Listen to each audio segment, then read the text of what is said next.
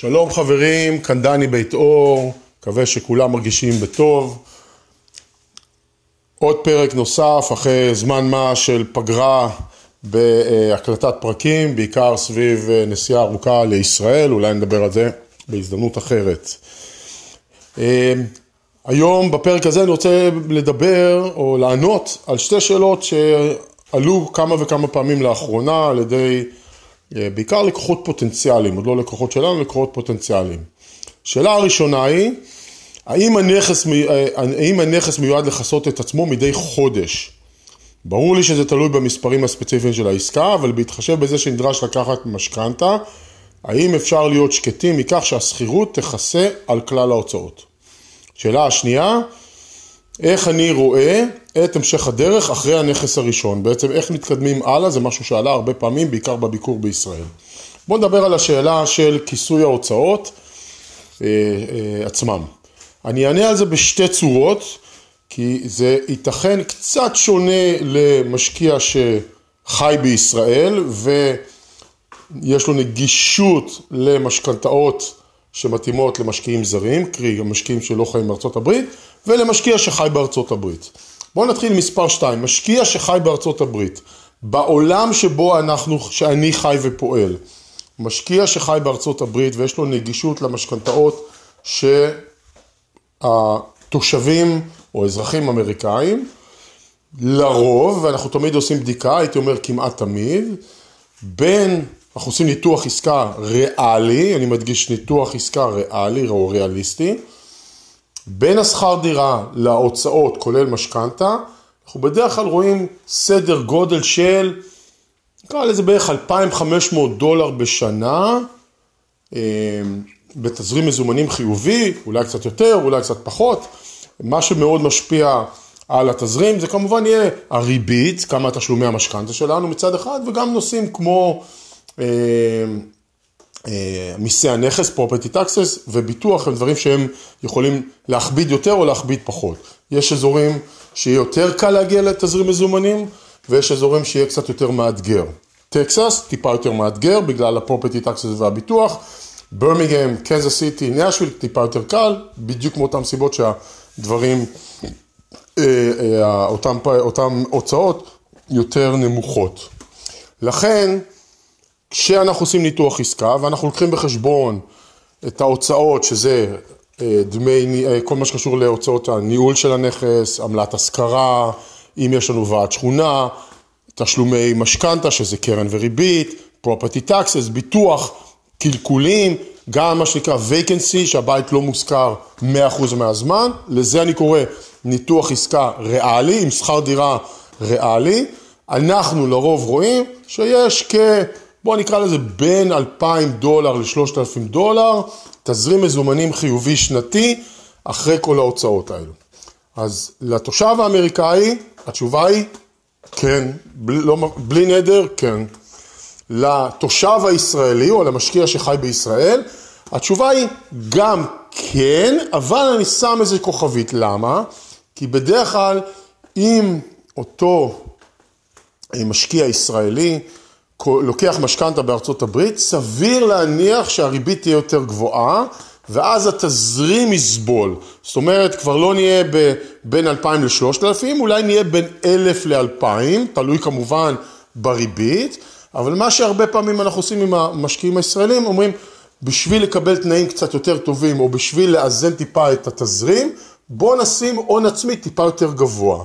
זאת אומרת, אם התושב האמריקאי, המשקיע האמריקאי יכול לשים 20, אה, אבל בדרך כלל אנחנו שמים 25% הון עצמי ו-75% משכנתה, עם המשקיע הישראלי אנחנו נשים משהו כמו 35% הון עצמי, או אפילו 40% הון עצמי, ואת השאר במשכנתה, ואז זה ייצור לנו מצב שאנחנו קצת מאזנים את נושא, ה... את נושא התזרים. אז זאת אומרת, יש אפשרות, אה, או, או אני מאוד מנסה ומכוון שכשכל משקיע שאנחנו קונים יוכל להגיע למצב של תזרים מזומנים חיובי סביר, לא משהו גדול אבל סביר אחרי כל ההוצאות בצורה ריאלית, כמובן שצריך לעשות קצת tweaking אה, אה, בשביל להגיע לנוסחה הנכונה. ייתכן מאוד שאם משקיע ישראלי יוכל לשים 25 או 30 אחוז הון עצמי, בריבית שתינתן לו בארצות הברית, אני הייתי יוצא מנקודת הנחה שאולי יהיה תזרים מזומנים חיובי קטן או break even. לכן צריך לחשוב אם זה מתאים או לא מתאים. אז לגבי השאלה הראשונה מבחינת האם השכר דירה מכסה על כל ההוצאות ומשאיר איזשהו מרווח, התשובה הייתי אומר היא כן, כמובן שצריך לבדוק כל מקרה לגופו, איזה ריבית, איזה שכר דירה, איזה מדינה, איזה הוצאות, כדי לקבל תשובה מדויקת ולא להשאיר את זה ברמה הפילוסופית רעיונית. אז בגדול כן, עכשיו כל מקרה לגופו. נעבור לשאלה מספר 2, שהיא עולה, אני נתקלתי בה לא מעט פעמים, גם במשקיעים שנמצאים בנקודה של, אה, אה, שקנו כבר נכס או נכסים ורוצים להתקדם, וגם במשקיעים שנמצאים בנקודת ההתחלה ואומרים, אוקיי, אני רוצה לעשות את זה מספר פעמים, איך אני יודע שאחרי הנכס הראשון אני אוכל להמשיך ולקנות. אז אין פה תשובות קסם ואין פה תשובות, אה, פתרונות קלים. אני רק אגיד שככה, בצורה הכי בסיסית, אם יש לנו הון ראשוני ואנחנו יכולים לקבל הלוואה או משכנתה, הלוואה בישראל ולהביא את הכסף לארצות הברית או משכנתה בארצות הברית, זה דרך נכונה להיות מסוגל לקנות נכס או מספר נכסים. אם כבר יש לנו אה, נכסים בארצות הברית וייתכן שאין עליהם משכנתה, אפשר לשקול אה, לקחת עליהם משכנתה בארצות הברית, מה שנקרא ריפייננס, להוציא כסף החוצה, ועם אותו כסף אה, להמשיך ולהתגלגל. אז זה אפשרות נוספת. אם המקורות הקונבנציונליים של ההון הזמין לא, אה, או כבר התייבשו וגם השתמשנו בהם, אפשר לגשת למקורות קצת יותר יצירתיים, כגון אולי יש נכס בארץ בלי משכנתה או עם משכנתה קטנה ביחס לשווי שאפשר להוציא ממנו קצת כסף, זה אפשרות אחת, לא בטוח שזה נכון, אבל זה אפשרות, אולי אפשר לקחת הלוואה כנגד אה, תיק, אה, אה, איך זה נקרא, אה, אה, קרן פנסיה או קרן השתלמות ולהשתמש בזה, זו עוד אופציה. אה, אם אין שום אופציות, זאת אומרת, אין הון עצמי כרגע, אה, בשום דרך להגיע, ובעצם הדרך היחידה, אז נשאר, נשארות בעצם שתי דרכים, אחת, אה, אף אחת מהן היא לא קלה, אחת היא לחסוך ולחכות עד שיש את ההון העצמי הנוסף לנכס הבא, שזה מתסכל כי זה יכול לקחת הרבה זמן, והדרך השנייה היא אולי למצוא איזשהו שותף. הכוונה בשותף זה נגיד יש איזה חבר או חברה או קרוב משפחה שיש להם את הכסף אבל מפחדים או לא יודעים או לא עשו, ולהגיד להם בוא נעשה איזשהו שת"פ. אתה תביא את ההון, אני אביא את הניסיון שכבר הבאתי, זאת אומרת, ונקנה ביחד, ואני גם אהיה זה שמביא את הניסיון ואת הזמן כדי לנהל, לטפל בכל הדברים השוטפים, ובעצם יוצרים פה איזשהו שת"פ. זה לא קל ולא פשוט לעשות את זה, יש הרבה מקרים ותגובות, ומה אם ומה אם ומה אם, וכן לעשות עם חבר ולא לעשות עם חבר, וכן עם משפחה ולא עם משפחה, אבל זה בהחלט דרך לחשוב על זה, איך להביא מישהו בצורה של אחד מביא את ההון ואחד מביא את ה... נקרא לזה ניסיון או הזמן, גם אם אין ניסיון אז רק את הזמן, זה גם בסדר גמור, ולהתקדם לכיוון עסקה נוספת. זאת אומרת, מה שאני הייתי מציע לכל מי שנמצא בנקודה שהוא כבר ביצע השקעות ורוצה לבצע עוד ומרגיש שאין לו הון זמין, אפילו את ההון העצמי הנדרש ל, ל, ל, כדי לקנות נכס, גם שקונים ממשכנתה, לא לשאול את השאלה איפה או איך, אלא לשאול מה אני צריך לעשות, או מה אני צריך לעשות, או איזה דברים אני יכול לעשות על מנת שיאפשרו לי לקנות את הנכס הבא. זאת אומרת, זו אותה שאלה, אבל לעשות, לשאול את עצמנו קצת אחרת, מה אני יכול, איך אני יכול, אה, לקנות את הנכס הבא, אם רוצים. הרעיון של לקנות נכס, או לחסוך לנכס הבא, ויכול להיות שזה ייקח חצי שנה, יכול להיות שזה ייקח שנתיים, הוא לא רעיון גרוע, אה, הוא רעיון ריאלי, אבל הוא פשוט להרבה מאיתנו אה, אין את הסבלנות או רוצים להתקדם הלאה. אני רוצה לתת ככה איזה אנקדוטה קטנה לקראת סיום, משהו שאני שמתי לב שקורה אצל הרבה מאוד מהלקוחות שלי, לאורך השנים. אני שמתי לב לזה להרבה פעמים, וזה משהו שלא רואים מיד, אלא באמת אחרי כמה שנים של, של, של בעלות, זה בא לידי ביטור. בדרך כלל הנקודה שבה לאנשים ככה יש את הרגע ההערה האמיתי, זה נקודה של שנתיים אחרי שקונים את הנכס הראשון.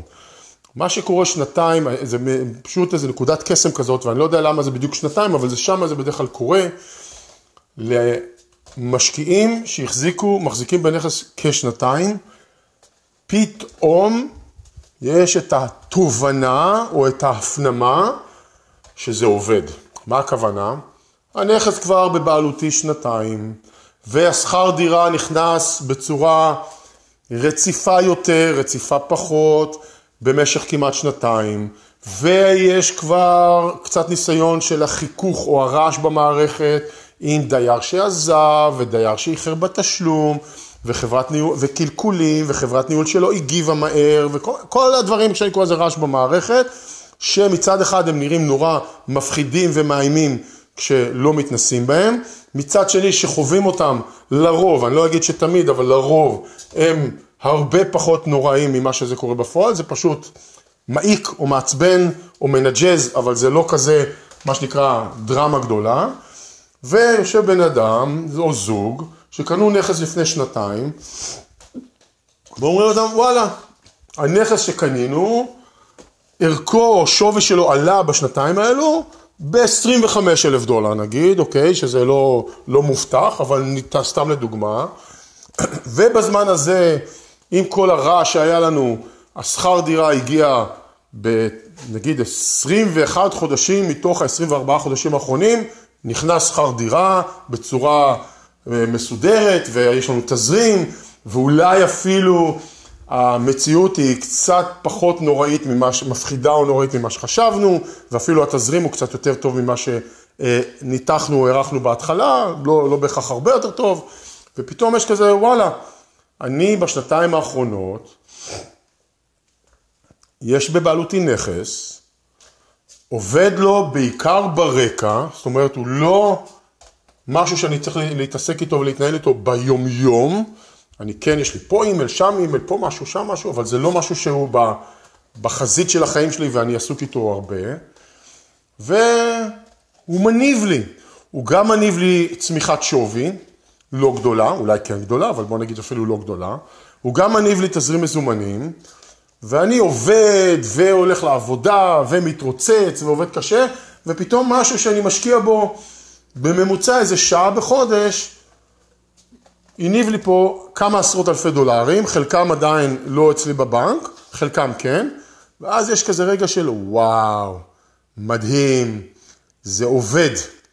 ואז מגיעה הנקודה שאומר, שבן אדם אומר לעצמו, אם זה עובד ככה יחסית טוב, כולל כל הרעש שיש, הרעש במערכת, איך אני מייצר לעצמי עוד כאלו נכסים. אני רואה את זה קורה הרבה מאוד פעמים, שאנשים פתאום בנקודה הזאת של השנתיים, יש את ההפנמה הזאת, ואז קורה הדבר המדהים הבא, שגם אותו אני רואה, חוזר על עצמו פעם אחרי פעם, אם ככה זה עובד, ויחסית השקעתי מעט זמן בכל המנגנון הזה.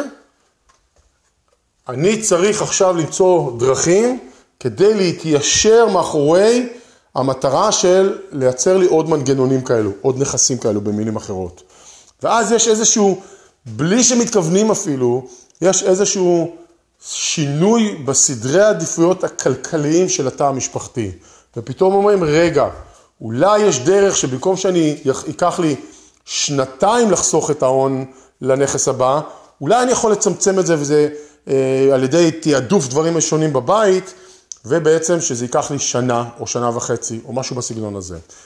ואז אני רואה את זה שאנשים ממש מתקשרים ואומרים, תשמע, קנינו לפני שנתיים, תואם את המציאות, תואמת את מה שאמרת לנו, פחות או יותר, על הנייר אנחנו מורווחים בשווי ככה וככה, תזרימית אנחנו מורווחים ככה וככה, מדהים, אני רוצה עוד. ואז מתחילה ההתיישרות הזאת לכיוון הנכס הבא. לכן, גם מי שנמצא בנקודה ואומר, שאומר, אני לא יודע איך אני יכול לחסוך יותר מהר את ההון הנדרש לנכס נוסף, אני אגיד, יש דרכים, חלקם פירטתי, חלקם, חלקם אולי אתם חושבים על דרך אחרת בעצמכם, שלא ציינתי, וגם אם לא הגעתם לסכום הזה מהר, וזה לקח, הגעתם לזה לאט, זה גם בסדר גמור. העיקר שיש איזשהו מגמת, מגמה של התקדמות לנכס הבא בצורה נכונה, ואני חייב להגיד שחלק מהדברים שאני אומר פה ומדבר עליהם, הם בטח מרגישים מופשטים או נורא תיאורטיים, והם מופשטים, ו- ו- ובאמת הם מופשטים ומאוד תיאורטיים, עד שחווים אותם. זאת אומרת, לתפוס ביטחון במערכת שיודעת ל- ל- לייצר תזרים, או לייצר הכנסה של שכר דירה, או להבין איך זה באמת מתנהל מבחינת החברות ניהול ודיירים וכדומה, בעיקר שחיים במדינה אחת והנכסים במקום אחר, קשה מאוד להבין, להאמין שזה עובד, למרות שכולם בתיאוריה יודעים שזה עובד, או שזה עובד עבורכם, עד שלא קופצים למים ובודקים באופן אישי. הניסיון שלי להעניק למשקיעים שלי, ללקוחות שלי, את הביטחון והניסיון שלי כדי שזה יעזור להם, זה שווה ערך למדריך שחייה אה, שיושב, עומד מחוץ למים וצועק לכם ועוזר לכם ומתריע ובודק ואומר ובואו נתחיל במים העמוקים ובואו נתחיל במים הרדודים וכדומה, אבל צריך להיכנס למים ולהירטב כדי לראות שכל התוכן שמבחינתכם הוא אה, אה, מופשט או תיאורטי, באמת מעשי ועובד, ואני אגיד יותר, יותר מזה, גם נכון עבורכם.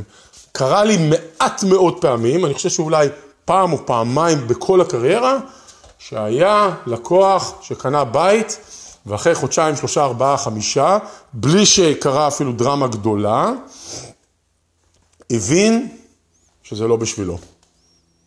ואמר לי, אני רוצה למכור ולעבור, אני, זה גורם לי למתח, זה גורם לי לאיזשהו אי נוחות בחיים, אני מבין שהחזקה של נכס להשכרה, למבנה אישיות שלי, הכל דברים שנאמרו, זה לא משהו שנכון עבורי, וזה באמת קרה, מעט מאוד פעמים, מעט מעט מאוד, אבל קרה.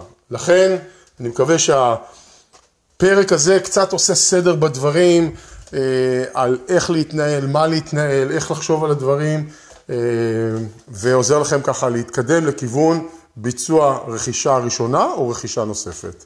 תודה על ההקשבה, מקווה שנשתמע בפרק הבא בקרוב. וגם כמובן מקווה לשמוע מכם ישירות, מוזמנים ליצור קשר, לדבר, לשוחח, לראות אם יש התאמה, אה, אולי יש לכם עוד שאלות, מוזמנים להעביר אותן, מי יודע, אולי גם השאלה שלכם תסתיים בפרק נוסף. להתראות לכולם, תודה על ההקשבה. שלום חברים, נובמבר 2022, ואני מצטער על הכל הטיפה חלוד, אני uh, קצת מצונן, קצת מקורר, מקווה שיגמר כבר, אני חושב שזה כבר מסתיים. Uh, רציתי לדבר היום על משהו שעולה המון המון uh, בשיחות עם משקיעים בימים אלו.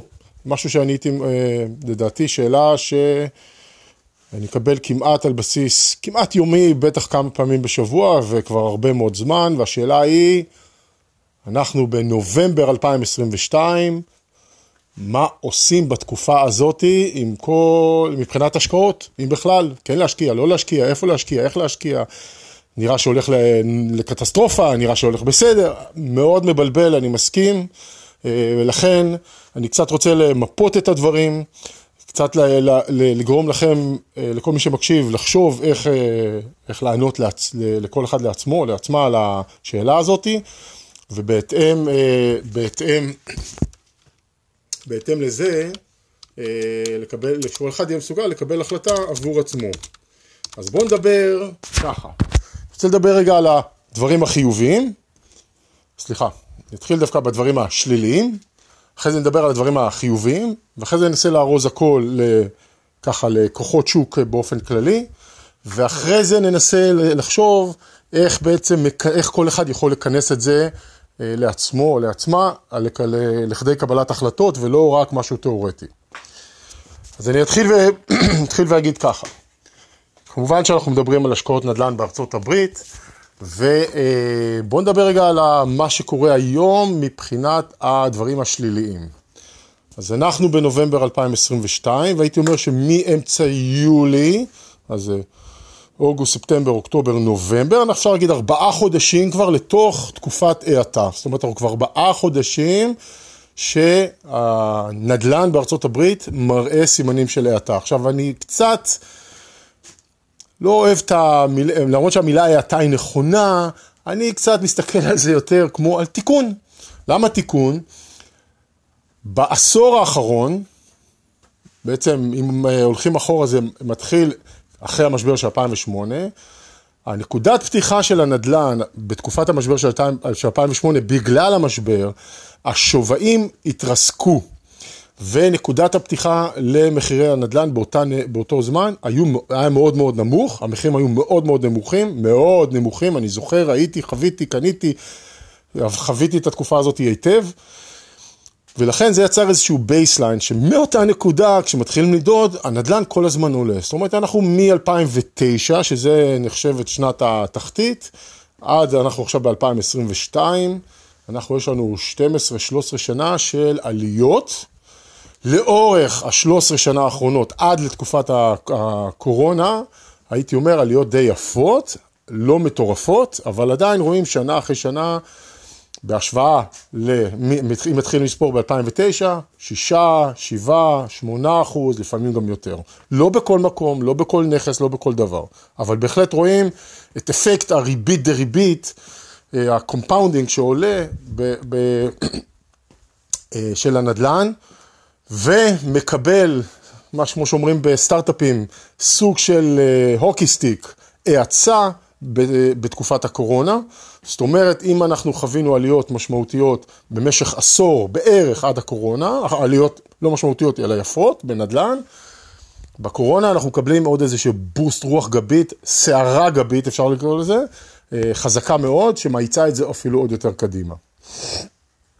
והיום, שנתיים אחרי, שנת, כמעט כבר שלוש שנים אחרי הקורונה, בוא נגיד שנתיים וחצי אחרי, הגיע הצינון, שבעצם נובע מזה שבעיקר הריביות התחילו לעלות, וברגע שהריביות התחילו לעלות בארצות הברית, אה, דרך אגב, הריבית הנמוכה כמובן זה מה שהאיץ את המחירי הנדל"ן. ואז כשהריביות מתחילות לעלות, אנשים מתחילים להיות, יש מדד בארצות הברית שקוראים לו affordability, הבתים מתחילים להיות יקרים, הרבה מאוד אנשים לא משקיעים, בעלי בתים מסתכלים על בית ואומרים, האם אני יכול להרשות לעצמי לקנות את הבית הזה? או במילים אחרות, יש לי 5,000, 3,000, 7,000, 1,000 דולר בחודש שאני יכול לשלם על הבית, לא משנה כרגע המספר, כי זה שונה מאזור לאזור, אדם לאדם, אבל זה אומר שאיזה בית שאני לא קונה, אני צריך לקנות אותו באפורדביליטי, בכמה הוא, הוא שווה לי. נגיד, אני יכול לקנות אותו, לא, זה לא העניין שלה אם הוא עולה 200 אלף או 250 או 150 או 300, אלא אני יכול להרשות לעצמי, נגיד, 1,500 דולר בחודש תשלומים, ומה 1,500 דולר קונה לי? לפני, אה, עד לפני חצי שנה זה היה קונה לי אה, בטח בית ב-400 אלף דולר. עכשיו זה קונה לי בית ב-275. זה מאוד משמעותי כמובן בסדרי גודל של המחירים האלו, מה מקבלים בעבור 400 ו-275. לכן, אנחנו בעצם בתוך תקופה של תיקון, יש מי שרוצה לקרוא לזה האטה, ירידות, זה הכל נכון, אנחנו בעצם עושים סוג של תיקון, להירגע רגע, היינו, היינו בטירוף של שנתיים, השוק עכשיו מתקן את עצמו, וזה גם מאוד מאוד הגיוני, אנחנו רואים את זה גם בשוק המניות, בשוק המניות כבר הייתי אומר מתחילת 2022, אז בשוק המניות אה, מתחילת השנה, אנחנו מסתכלים, יש הרבה מאוד ירידות חדות, ודרך אגב, אני לא איש אה, מניות, אבל זה גם כן סוג של תיקון, גם שם היה סוג של דהירה והשתוללות ו- וכדומה. לכן, מצד אחד אנחנו נמצאים ארבעה חודשים בתקופה של התקררות, תיקון. דרך אגב, זה לא אומר שהכל יורד. יש סוג של בעיקר רואים, א', רואים, רואים ירידות מחירים בחלק מהמקומות. רוב המקומות שאני רואה ירידות מחירים, הירידות מחירים הן לא דרסטיות, אלא מאוד אה, אה, קלות. שמראות על תיקון, ובתים עומדים קצת יותר זמן בשוק, וכמובן יש, יש סוג של התקררות מהבחינה הזאת או תיקון. מה עוד אנחנו רואים בחדשות שגורם לנו אה, להיות מבוהלים? אנחנו רואים שיש פיטורים. מה הכוונה בפיטורים? אה, חברה זו או אחרת, בין אם זה חברות ישראליות שפועלות בארצות הברית, חברות ישראליות בארץ, חברות אמריקאיות, בעיקר הן מודיעות על פיטורים, מי שמסתכל מעבר לכותרת רואה שהמספרים לרוב מאוד קטנים, יחסית. זאת אומרת חברה זו וזו מצמצמת וזה חמישה אחוז או עשרה אחוז אה, אה, מכוח האדם, שזה אמנם, מי שחווה את זה, זה כמובן לא מספר קטן בכלל, אבל אם מסתכלים על זה בראייה של כלכלה, זה מספרים קטנים ב, ב, בתוך החברה. מה שאני כן, אה, מה שכן הייתי רואה אינדיקציה יותר בריאה, היא לא פיטורים חריפים בהמון מקומות, אלא דווקא חברות קצת מעתקות. מה זה אומר? עצירת גיוסים.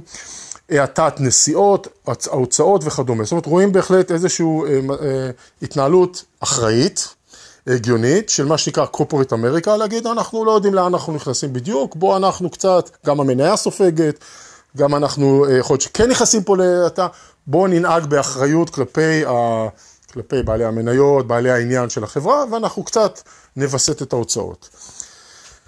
אמ, זאת אומרת, יש לנו, ובנוסף, דיברתי גם על שוק המניות אה, ש, שיורד. זאת אומרת, אנחנו, יש לנו תחושה, חשש, פחד שהדברים הולכים לא טוב, אוקיי? שימו לב, אנחנו כבר ארבעה חודשים, ועדיין אנחנו מחכים שהדברים ממש ילכו לא טוב, בינתיים הם, זה לא קורה. אמ, אז זה הדברים השליליים שקורים, שה, בוא נגיד נקרא לזה האינדיקטורים, הסממנים העיקריים שרואים מהצד השלילי. בצד החיובי, אנחנו רואים סימנים אחרים לגמרי, שדרך אגב גורמים לבלבול. האינפלציה בארצות הברית ממשיכה, ממשיכה להיות גבוהה, לא רק בארצות הברית, אבל אני מתייחס לארצות הברית, האינפלציה ממשיכה להיות גבוהה.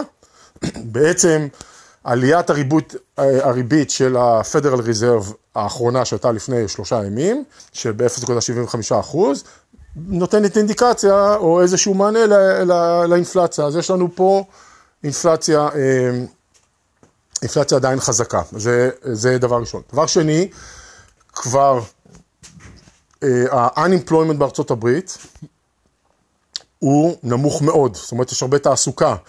עכשיו יש, פה ב-unemployment זה קצת מוזר, כי מצד אחד לפעמים המס, ההודעות בעיתונות הוא שבארצות הברית החודש, נגיד ב... נגיד ב, אה, באוקטובר, התווספו אל תפסו אותי על המספר, 200 אלף משרות, וזה מאכזב, למה? כי ציפו ל-220, או משהו כזה. אז יש כאילו מצד אחד איזשהו, זה נשמע נגטיבי, נוספו רק 200 אלף משרות. אבל אם קוראים קצת לעומק, אומרים, רגע, ארה"ב כל חודש, כמעט כל חודש בשנה האחרונה מוסיפה משרות ומוריד, והאניפלוימנט עדיין נמוך. אז מה קורה פה? מצד אחד נוספות משרות, אולי לא כמו שחשבנו, הערכנו, אבל עדיין המצב הוא שנוספו הרבה משרות ויש unemployment נמוך. אז המצב הזה אינדיקציה, אה, אינדיקציה מעניינת. עכשיו אני רוצה לתת לכם קצת אינדיקציה, ותכף נדבר על ה... אה, על ה... ככה נתחיל לכנס הכל ביחד, אבל אני רוצה דווקא לדבר על דברים שאני קורא לי קצת מהשטח. מה הכוונה? אני רוצה לתת כמה אנקדוטות. אחד מהמשקיעים שלי יצר קשר אתמול, הוא רק יצא לדרך, התחיל לעבוד איתנו לפני בערך שבועיים, והוא כבר שלוש פעמים בשבועיים האחרונים עמד להגיש הצעה על נכס, ועוד הוא בודק, מתלבט וכדומה, בא להגיש הצעה, הסוכן אומר לו, מצטער, הנכס כבר לא רלוונטי, כבר מישהו שם אותו, כבר לקח אותו. הוא אומר לי, איך זה יכול להיות? אנחנו בהתקררות, האטה, אבל, אבל זה מראה שקודם כל, וזה היה גם בברמיגם, גם בברמיגם אלבמה, גם בסנט לואיס וגם בקנזס סיטי. שלושה שווקים שונים היה לו התנסות. עכשיו נכון, זה מאוד נקודתי, אבל הוא לא היחידי. בהחלט אנחנו רואים שבאזורים מסוימים השוק עדיין חזק עם מולטיפול אופרס. מולטיפול אופרס בתקופה של התקררות, מה קורה פה? חשבתי שהנדל"ן אה, בירידה. בבקשה. עכשיו, זה לא שזה מולטיפול אופרס על בתים שיצאו לשוק ב-400 אלף ועכשיו אנחנו קונים אותם ב-350 או ב-350 וקונים אותם ב-300. זה אולי בתים שיצאו ב-350 ואנחנו מנסים לקנות אותם ב-325, אולי ב-320 או משהו כזה. סתם לתת את האנקדוטה שזה לא, וואי, היה פה איזו הזדמנות מיוחדת, בית שניסו למכור ב-400, אנחנו קונים אותו ב-300. זה לא המצב, אוקיי? אז זה לא, גם זה יש, תכף אני אספר על זה גם כן, אבל אה, אה, זה לא המצב. לכן, בהחלט יש אזורים בארצות הברית שחווים את ההאטה בצורה יותר חזקה, בדרך כלל זה הולך, הולך עם אזורים שהשתוללו כלפי מעלה. מי שחווה עליות חזקות בתקופת הקורונה ולפני, עובר תיקון יותר חזק, הגיוני, בסך הכל הגיוני. ומי שלא חווה אה, עלייה מטורפת, אה, עובר תיקון יותר עדין. זה גם כן מאוד, אה, מאוד הגיוני, הרי ככה בדרך כלל זה עובד.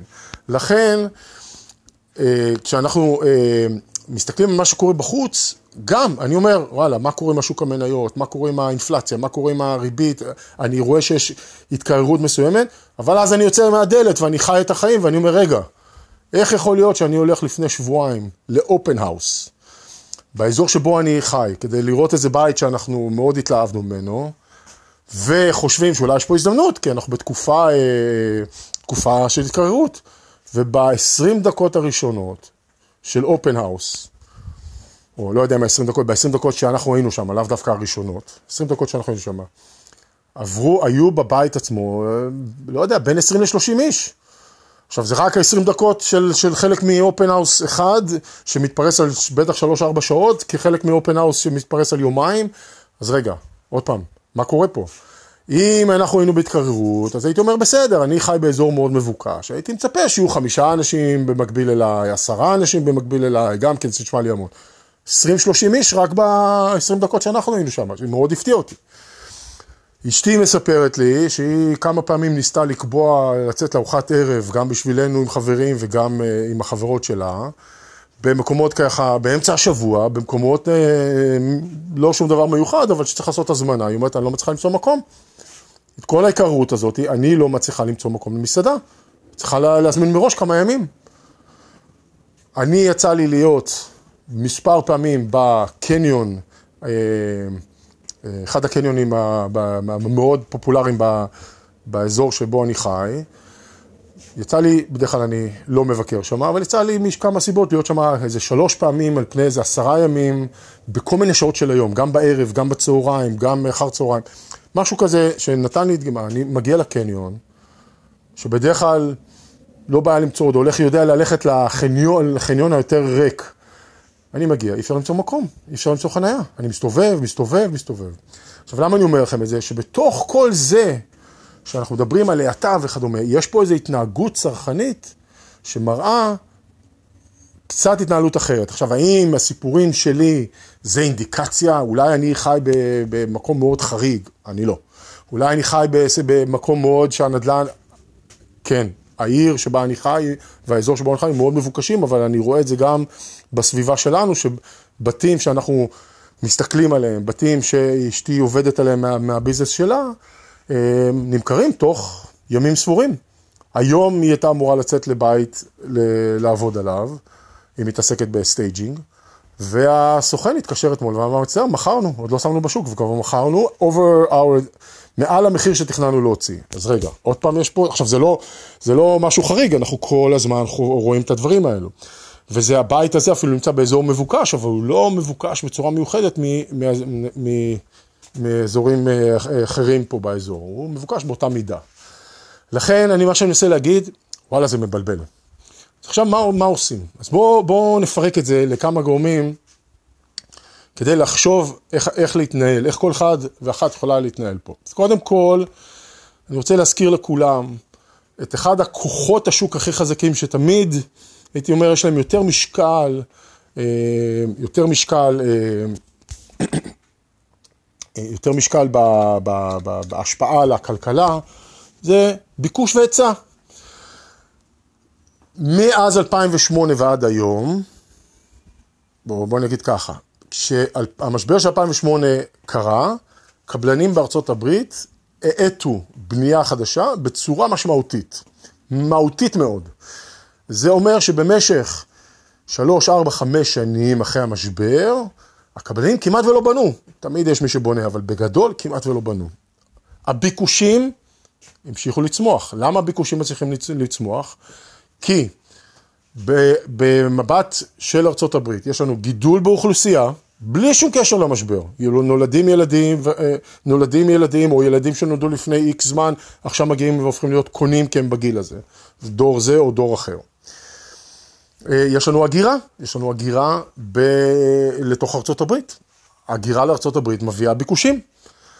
מעבר לזה, יש לנו גם דפוסי הגירה פנימיים. נכון שיכול להיות שבעוד ששוק מסוים או אזור מטרו מסוים בארצות הברית חווה פחות ביקושים, מטרו אחר חווה יותר, למה? כי יש תנועה של הגירה, אולי אזור מסוים, אולי עכשיו בתקופת הקורונה, יותר אנשים עוברים למקום מסוים, לדוגמה סתם אה, דאלאס. ואז דאלאס, בעצם הביקושים לנדל"ן עלו בחמישה אחוז מעבר, מעל שנה שעברה, וה... ההיצע לא עלה בחמישה אחוז, ההיצע עלה באחוז. אני, כמובן המספרים, אני שולף מספרים באופן רנדומלי, זה לא משהו שבדקתי אם זה חמישה אחוז, עשרה אחוז, שלושה אחוז וכדומה, רק להמחיש את הנקודה. אז קודם כל יש לנו את, ה, את הנושא הזה של ביקוש והיצע, שהוא עדיין חזק מאוד. סליחה, עדיין יש ביקושים חזקים מול ההיצע היחסית נמוך. זה אחד. שתיים, אמ, כמו שזה נראה, כמו שהאינדיקטורים אה, מראים לנו, הקבלנים בארצות הברית התחלו להאט בנייה חדשה. למה? כי הם אומרים, ה-affordability, יקר לי לבנות, קשה לי למכור, אני מחכה. אני אוריד את הקצב הבנייה, אני אתחיל לקנות עתודות קרקע לעתיד, משהו כזה, אבל אני מאט קצב הבנייה. אם אני מאט את קצב הבנייה, שימו לב מה קורה לנושא של supply ו-demand שדיברתי לפני רגע. זה אומר שגם אם הביקושים יציבים ולא עולים, ממשיכים לגדול באותו קצב אחיד אפילו קטן, ההיצע מצטמצם, כי קבלנים מאטים את הבנייה. אז יש לנו פה, אם מסתכלים קדימה, יש לנו פה מתחילה, או אנחנו בתחילתו של תקופה, שעוד פעם אנחנו, אה, עוד פעם נכנסים למצב שההיצע ביחס לביקוש קטן, שזה רק מגביר את הבעיה הזאת שהתחילה כבר מ-2008 ואפילו החמירה בתקופת הקורונה. זה לא עוזר, אה, זה לא, אה, לא עוזר למחירים אם יש לנו ביקושים, אם יש לנו ביקושים גבוהים ביחס להיצע.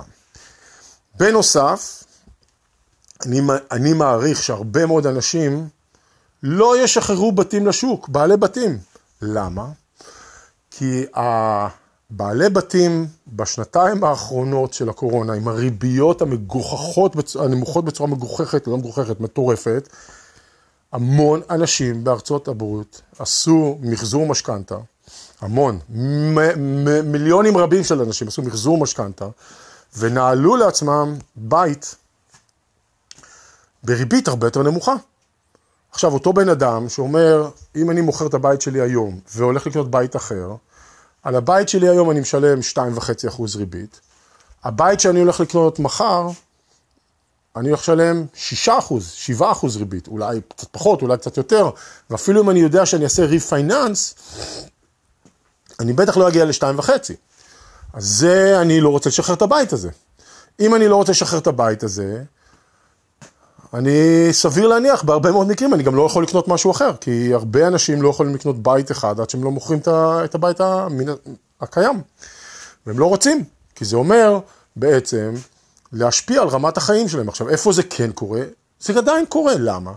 אנשים עוברים, דברים קורים בחיים, השכן שלי יצא לפנסיה, מכר את הבית שלו, לפי דעתי הוא גם במצב שהוא לא קונה עם משכנתה, כי הוא מספיק עשה הרבה, מספיק כסף בחיים כדי להרשות לעצמו את הבית הבא, שהוא בטח גם יותר זול מהבית הזה, ונולדה לו נכדה וכדומה, וההוא עבר עבודה, וההוא פה, וההוא שם, וזה ככה, זה נכון, אנשים עדיין מוכרים, כי אלו החיים.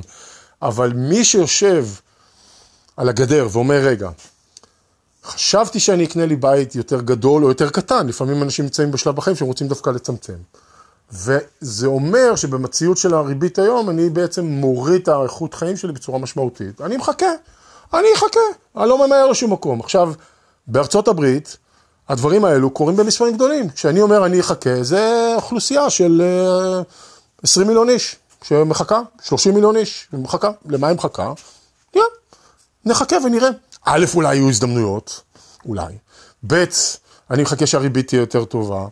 ואולי אני מתחרט, ואני רואה את הדברים האלו קורים. זאת אומרת, ההיצע לא הולך לגדול. עכשיו, אם ההיצע לא גדל, הביקושים ממשיכים לעלות. והרבה אנשים גם עוברים למצב של לא יכולים להרשות לעצמם לקנות כי הריבית גבוהה, זה הולך להשפיע על שוק השכירות. שזה הולך לדעתי גם להשפיע על שוק הנדל"ן עצמו, המחירים. אבל זה גם מאוד ייתכן שזה הולך לחזק את שוק השכירות.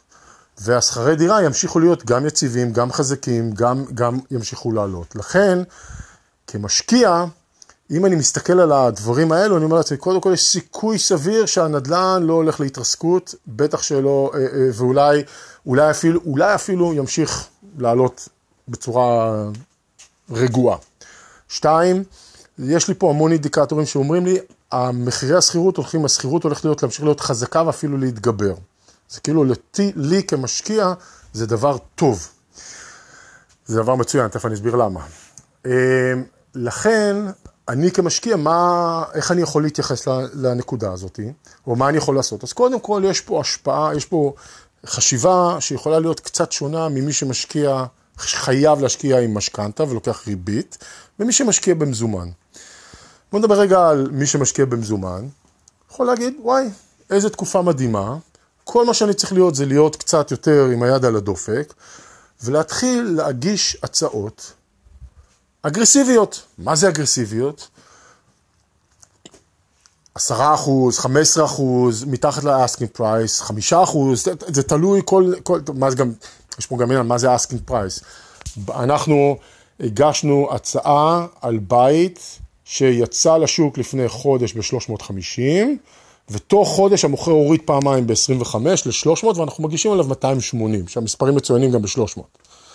אז יכול, יש פה עניין שמצד אחד זה לא הצעה אגרסיבית ביחס ל-300, המוכר אבל מנטלית חי ב-350 והוא כאילו רואה כמה הוא הוריד כבר 50 אלף דולר. זה לא משנה מה המוכר עשה נכון או לא נכון בהקשר הזה, ואולי הוא מראש תמחר את זה לא טוב, אבל אה, מבחינתו הוא כבר ויתר על 50 אלף דולר. זה בסדר, המוכר יכול לוותר על פחות או יותר, אנחנו נרגיש את מה שנראה לנו נכון. לכן, אנחנו יודע, יכולים להגיד, אם אני במזומן, אני יכול לנסות להוציא, לסחוט יותר מה, מהעסקה. למה? א', כי עסקת מזומן, או בוא נגיד זה ככה, משהו כמו 20-25 אחוז, ההערכה היא ש-20-25 אחוז מהעסקאות המימון נופלות בגלל המימון. עסקה שנופלת בגלל בעיית מימון, כזו או אחרת, זה אומר שהמוכר עכשיו איבד כחודש, לפחות חודש מהרגע שהוא נכנס לחוזה עד הרגע שהוא מכר, ואז לא יצאה העסקה, הוא איבד חודש. חודש זה גם עלות, התעסקות. המוכרים הרבה פעמים זה אנשים שרוצים להתקדם עם החיים שלהם, ויצר להם מצב של אי ודאות, זה, אה, ואכזבה וכדומה. לכן, כשמישהו בא עם מזומן, אז הסיכוי שתתבטל העסקה לקראת הסוף הוא הרבה יותר נמוך. יש מזומן ואין מימון, זה קל יותר, זה, זה האמון של המוכר, ב, ב, אה, האמון של המוכר שהעסקה תצא לפועל עולה. לא רק זה, אפשר גם להגיד למוכר, תקשיב, אנחנו יכולים לסגור תוך שלושה שבועות, אולי אפשר לנסות להוריד את זה אפילו לכיוון שבועיים, בדרך כלל קצת קשה לסגור פחות משלושה שבועות, כי יש פה עוד כל מיני שחקנים שצריכים להכין ולסדר וכדומה, אבל בוא נגיד שבועיים, שלושה, להאיץ את המערכת, זה יתרון למוכר, המוכר אומר וואלה, יש לי פה אה, הזדמנות לקבל, בעצם לגמור עם העסקה יותר מוקדם, ולא לחכות עכשיו חודש. נכון שזה לא הרבה זמן, אבל אנשים מחפשים ורוצים את הדברים האלו. לכן, אם אני במקום שאני יכול לאפשר לעצמי לקנות במזומן, אני הייתי מגיש הצעה במזומן והולך להיות אגרסיבי, ולא אכפת לי, אני אגיש עשר הצעות אגרסיביות ומקווה שאחת מהן תיתפס. ואני אלך על זאת שתיתפס. אני כמובן הולך לברור על מה אני הולך להגיש, אבל לא אכפת לי לנסות להגיש עשר פעמים, עשר הצעות, ובידיעה שאני מספיק אגרסיבי שלא בטוח שזה, שזה יתקבל. חלק מהפעמים גם הגישה של להגיש הצעה אגרסיבית יותר, זה בשביל למשוך אותם למטה, את המוכר, ואז להגיד, אוקיי, הוא רוצה 300, אנחנו מציעים 280, ונסגור על 290. זה גם כמובן טקטיקה מאוד בסיסית של משא ומתן, אבל אה, בהחלט משהו שאנחנו אה, אה, אה, שוק, אה, עושים. אה, מעבר לזה, מעבר לזה, זה אחד. מי שחושב על קוני מימון, בימים אלו צריך לקחת בחשבון שהמימון, התזרים הולך להיות break even, אה, או מאוד מאוד נמוך, ואי אפשר להסתכל על זה כעל משהו, כעל עסקה בעלת תזרים או תזרים קטן, לתקופה. למה אני אומר לתקופה? ההערכות הן שבמהלך, בעוד שנה, שנה וחצי, נקרא לזה בין שנה וחצי לארבע, כמובן שזה, אני לא יודע וזה לא בטוח, שיהיה מספיק התקררות שהריבית תתחיל לרדת, ואז בוא נגיד שהיום אני קונה בית ב-300 אלף דולר, עם ריבית של שישה וחצי אחוז, והתזרים המזומנים שלי הוא כמעט אפס. בעוד שנתיים וחצי הריבית תהיה חמישה אחוז, אולי ארבעה וחצי, ואז אני אעשה ריפייננס, יוציא את הכסף והתזרים יעלה בצורה משמעותית. אז למה כדאי לי לעשות את זה? כדאי לי לעשות את זה כי בעצם יכול להיות שאני קונה בית שהשווי שוק שלו הוא משהו כמו 325, 330, ואני קונה אותו ב-300 אלף דולר. מראש אני מייצר מה שנקרא built-in equity לתוך העסקה הזאת, וזה עובד לטובתי. וזה גם יוצר לי איזשהו buffer אם יהיה ירידות, אז אני יודע שאני שילמתי 300, אבל הבית שווה משהו כמו 325, אולי יותר. יש לי פה איזשהו כמו מגננה על, ה, על השווים, למרות שמי שמחפש מגננות על שווים, או מי שמפחד מירידות מחירים, מה שאני רוצה להגיד זה, לחשוב, או רוצה שתחשבו על זה, זה ככה. הדרך, אני יוצא מנקודת הנחה, מאז המשבר של 2008, אני יוצא מנקודת הנחה עם כל העבודה שאני עושה עם המשקיעים שלנו ובאופן אישי, זה שיהיה משבר נוסף. סטטיסטית פעם בעשר שנים יש משהו. אני מקווה שזה לא יהיה משבר כמו של 2008, ותכף אני אגיד לכם למה אני לא חושב שזה יהיה משבר כמו של 2008, אבל יהיה האטה, הגיוני, תיקון, מאוד הגיוני. עכשיו, למה אני אומר, אה, אה, אה, מה, מה אני עושה חשיבתית? אני אומר ככה. מכיוון שאני לא יודע אם כן יהיה משבר או לא יהיה משבר ומתי יהיה משבר, וכמה הוא יהיה חזק, אני לא יודע. אז אני יוצא מנקודת ההנחה הראשונה, שיהיה משבר בשנים שאני הולך להיות בעלים של הנכס. יהיה משבר. ההנחה השנייה היא, בשביל לנסות לא לתזמן משברים ולפחד מזה, להגיד, אוקיי, אני רוצה לקנות נכס טוב באזור טוב, מה שנקרא, אני קורא לזה בית איכותי, ואני הולך להחזיק אותו הרבה זמן. מה זה הרבה זמן? הייתי אומר לא פחות משבע שנים, עדיף עשר ויותר.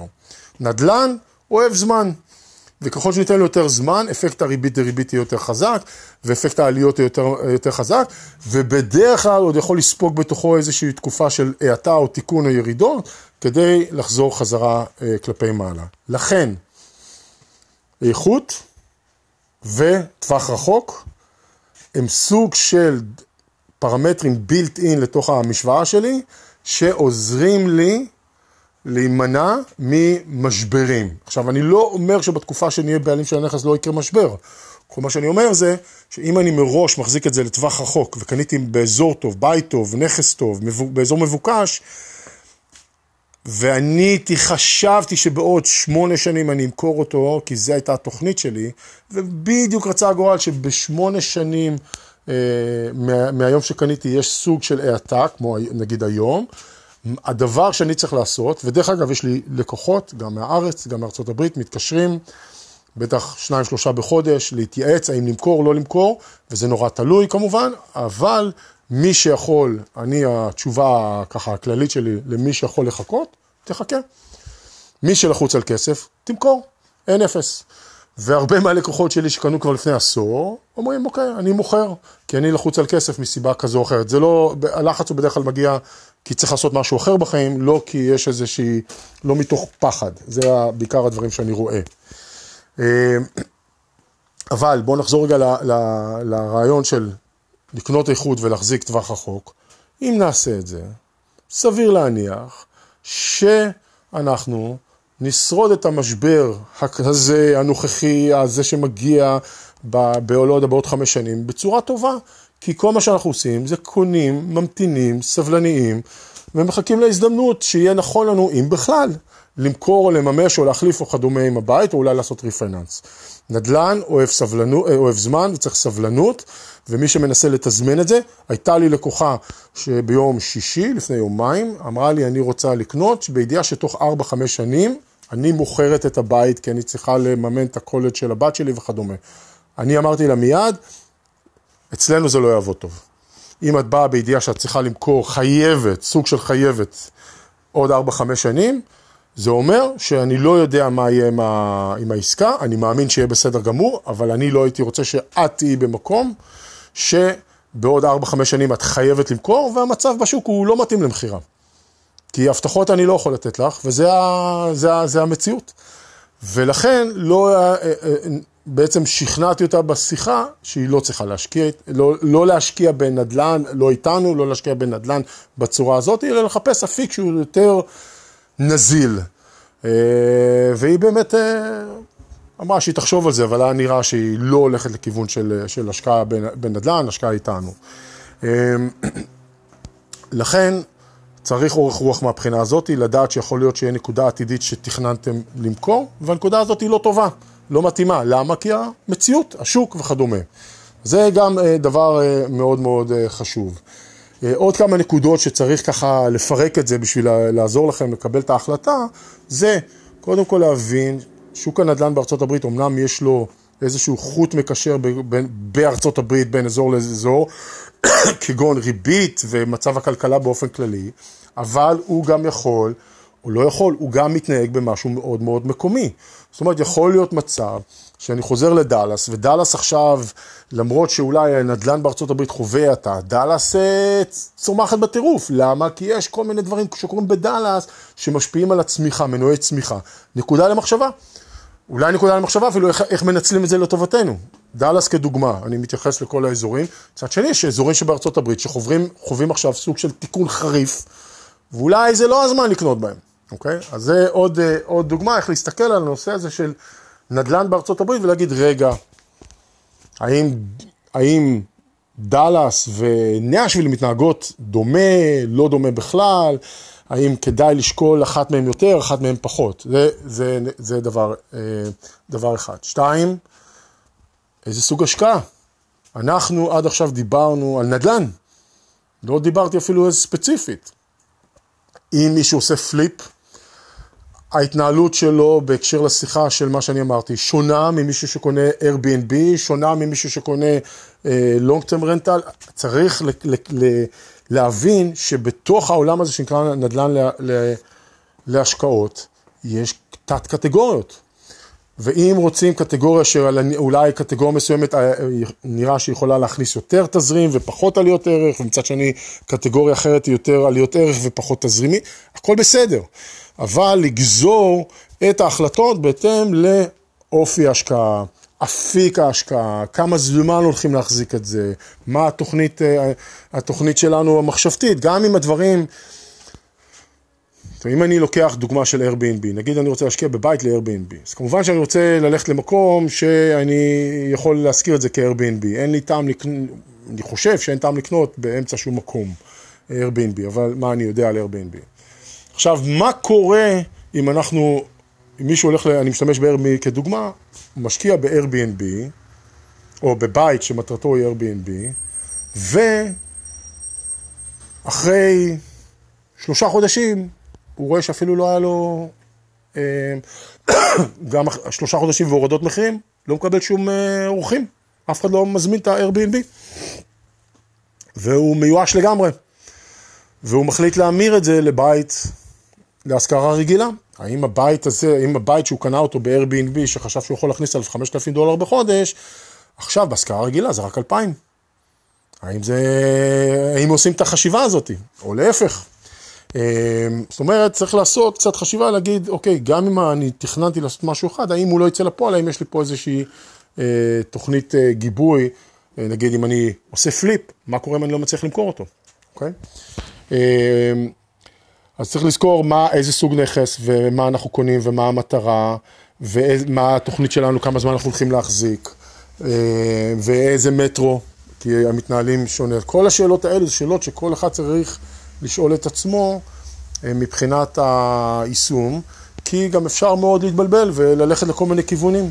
וזה, זה, וזה עולם של המון שפע, יש המון הזדמנויות, המון כיוונים. הזדמנויות זה יכול להיות בית ודופלקס ופורפלקס, והזדמנויות זה יכול להיות שוק אה, קנזס סיטי, נאשוויל, דאלאס ולא יודע מה, ו, וקליפורניה.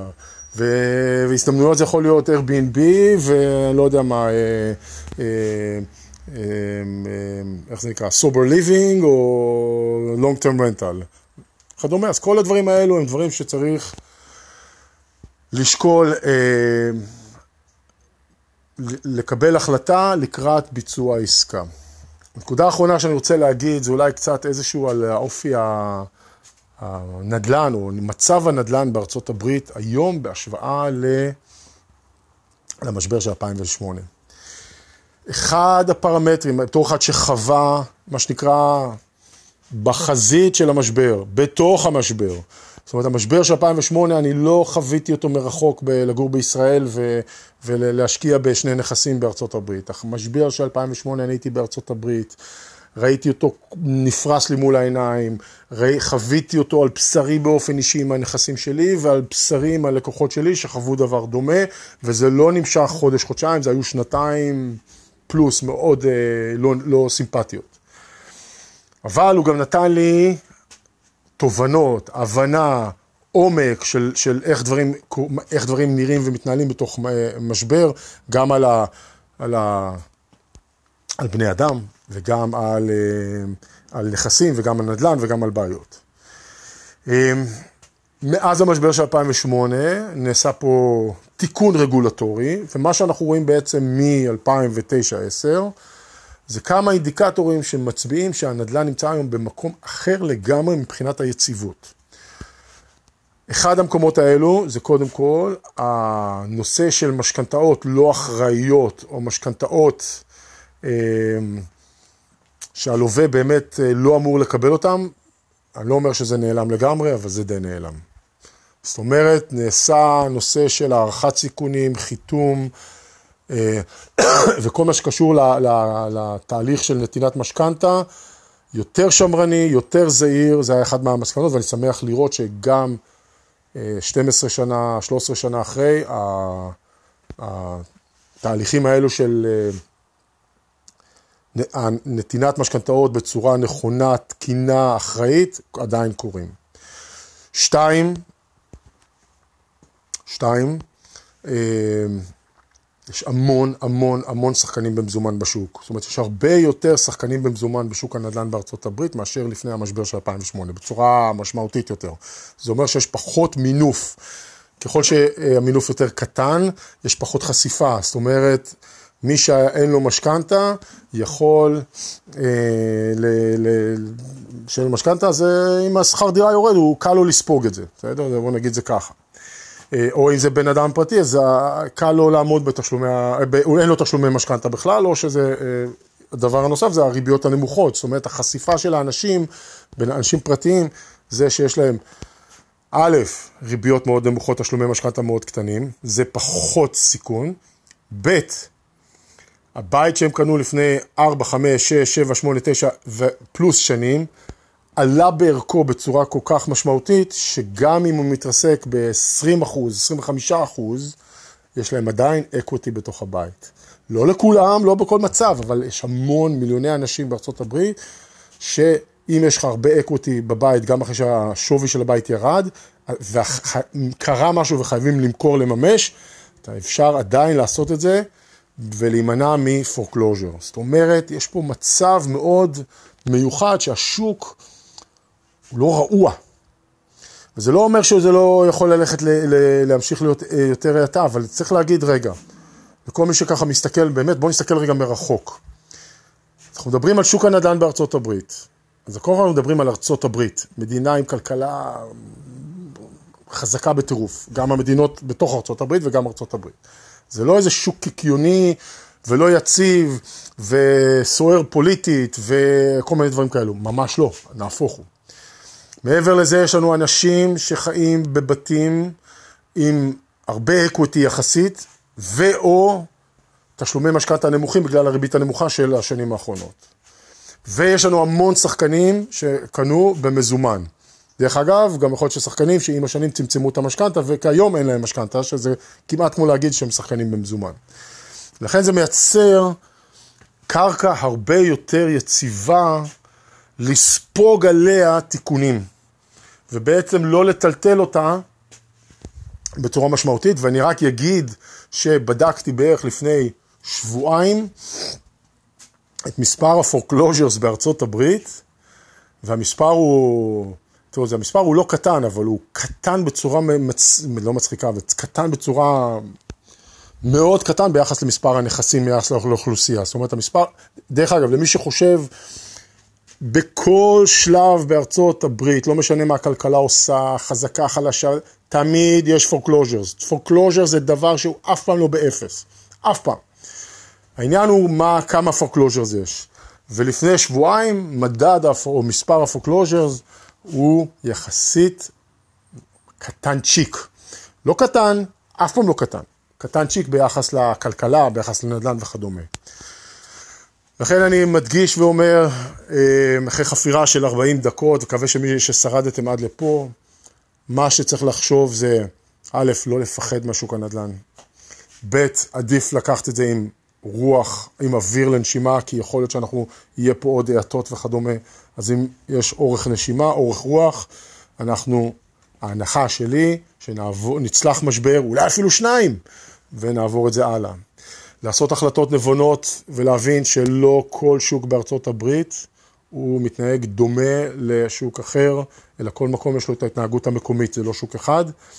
ובאמת לחשוב מה, מה, איפה נוח לכם להיות בכל הנושא הזה מבחינת איזה סוג השקעה. מה נכון היום כמשקיע לעשות נכס מהסוג הזה, לעשות נכס מהסוג הזה. אני חושב, שורה תחתונה, ש... המצב שהפסיכולוגי של הרבה אנשים שמצפים לסוג של האטה, לסוג של אי ודאות, לסוג של תיקון וכדומה, מייצר הזדמנות מעולה לקנות היום נדל"ן. מייצר הזדמנות מצוינת. המוכרים כבר במקום שמבינים שהשוק בהאטה. אם המוכרים מבינים את זה, אנחנו מבינים שיש פה איזושהי תזוזה לכיוון שוק של קונים, וזה עושה את זה אה, תזמון מעולה למי שקונה. מי שמוכר והוא יכול להמתין, תמתינו. ממליץ להמתין. מי שחייב למכור, חייב למכור. מי שיכול לחכות, שיחכה. כמה זמן? לא יודע. אבל כל עוד לא חייבים, קחו אוויר ותחכו, מה שנקרא, ride it. ride it. זהו, עד כאן החפירה שלי על הנושא של הכלכלה ומה לעשות וכן לקנות ולא לקנות, ואני יודע שיש פה המון דברים, אה, למה שנקרא to process, אז אני מקווה שזה עוזר לכל אחד שמקשיב ורוצה לקבל החלטה. אני אה, כמובן מזמין ליצור איתנו קשר למי שרוצה להוריד את זה. מהרמה הכללית, אסטרטגית, ככה מלמעלה למשהו תכלס, מעשי, אוקיי, הבנתי, שמעתי, אני לא יודע איפה, איפה לקנות, עם מי לעבוד וכדומה. אנחנו פה, זה מה שאנחנו עושים, עוזרים למשקיעים להשקיע, לקבל החלטות, זה תהליך שדורש סבלנות.